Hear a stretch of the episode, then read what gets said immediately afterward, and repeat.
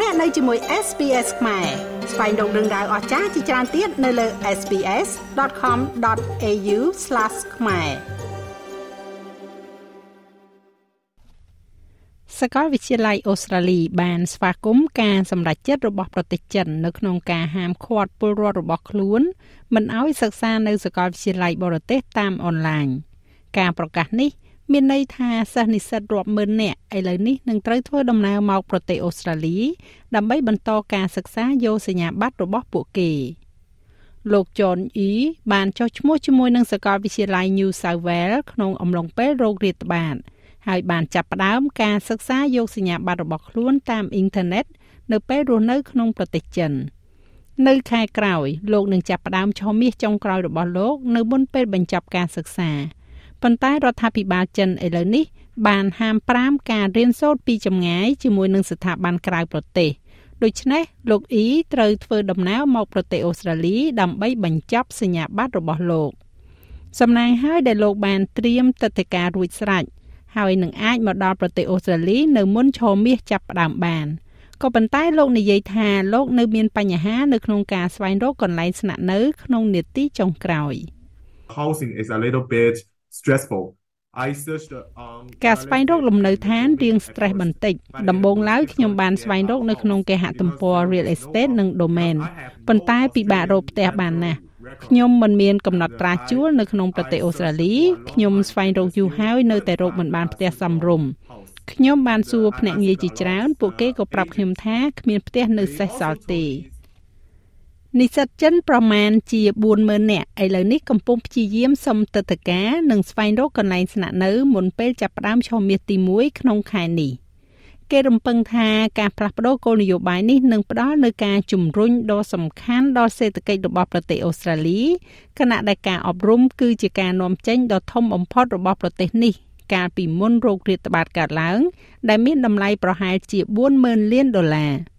និស្សិតចិនមានចំនួនប្រមាណជា1ភាគ3នៃនិស្សិតអន្តរជាតិទាំងអស់ហើយយោងទៅតាមវិទ្យាស្ថាន Grantham និស្សិតចិនបានរួមចំណែកជាង11,000លានដុល្លារដល់សេដ្ឋកិច្ចអូស្ត្រាលីរាប់ទាំងកន្លែងស្នាក់នៅនិងការចំណាយទៅលើការរស់នៅផ្សេងទៀតលោក Felix Dong គឺជាម្ចាស់ផ្ទះដែលមានមូលដ្ឋាននៅទីក្រុង Sydney ហើយលោកនិយាយថាចាប់តាំងពីការប្រកាសនេះមក លោកទទួលបានការសាកសួរជាច្រើនពីនិស្សិតនៅក្នុងប្រទេសចិនអំពីការជួលបន្ទប់របស់លោក about 20 2030 inquiries ខ្ញុំបានទទួលការសាកសួរអំពីការចុះឈ្មោះដាក់ផ្ទះជួលរបស់ខ្ញុំពី20ទៅ30នាក់ពាក់កណ្ដាលនៃពួកគេមកពីប្រទេសចិន ហើយមកប្រទេសអូស្ត្រាលីជាលើកដំបូងពួកគេមិនយល់ដឹងអំពីថ្លៃជួលអចលនទ្រព្យនិងទីផ្សារយ៉ាងណានោះទេ តម្លៃដែលចុះផ្សាយគឺប្រហែលជា300ដុល្លារក្នុងមួយសប្តាហ៍ប៉ុន្តែពួកគេផ្ដល់ជូន350ទៅ400ដុល្លារក្នុងមួយសប្តាហ៍ដើម្បីគ្រាន់តែចង់កក់ជាមួយខ្ញុំផ្ទាល់លើពីនេះទៅទៀតពួកគេនិយាយថាពួកគេនឹងបង់ប្រាក់កក់ជាមុននៅមុនពេលដែលពួកគេមកជួបខ្ញុំហើយសិស្សខ្លះថែមទាំងស្នើបង់ប្រាក់បន្ថែមមុនពេលពួកគេមកដល់អូស្ត្រាលីទៀតផងនាយកប្រតិបត្តិនៃសមាគមអប់រំអន្តរជាតិនៃប្រទេសអូស្ត្រាលីលោក Phil Honeywood បានស្វាគមន៍ចំពោះការហាមឃាត់របស់ប្រទេសចិនលើការរៀនសូត្រពីចម្ងាយនេះប៉ុន្តែនិយាយថាវានឹងបង្កបញ្ហាប្រឈមមួយចំនួន We were hoping that there would be more of a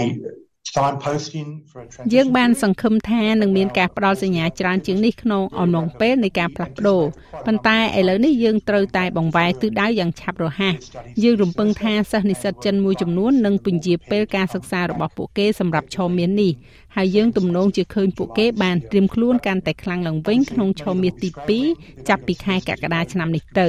ប៉ុន្តែជាក់ស្ដែងពួកគេជាច្រើនមានបញ្ហាពួកគេត្រូវរៀនតែមួយឆមាសទៀតតែប៉ុណ្ណោះដើម្បីបញ្ចប់សញ្ញាបត្ររយៈពេល3ឆ្នាំរបស់ពួកគេ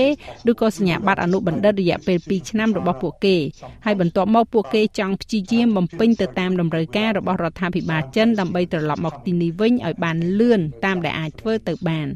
ពួកយើងរំពឹងថានឹងមានការសម្រេចចិត្តនេះពីប្រទេសចិននៅចំណុចណាមួយក៏ប៉ុន្តែការបង្វិលទិសដៅយ៉ាងលឿនដោយគ្មានសញ្ញាជាមុនបែបនេះគឺជាការលំបាកណាស់សម្រាប់យើងជាច្រើន។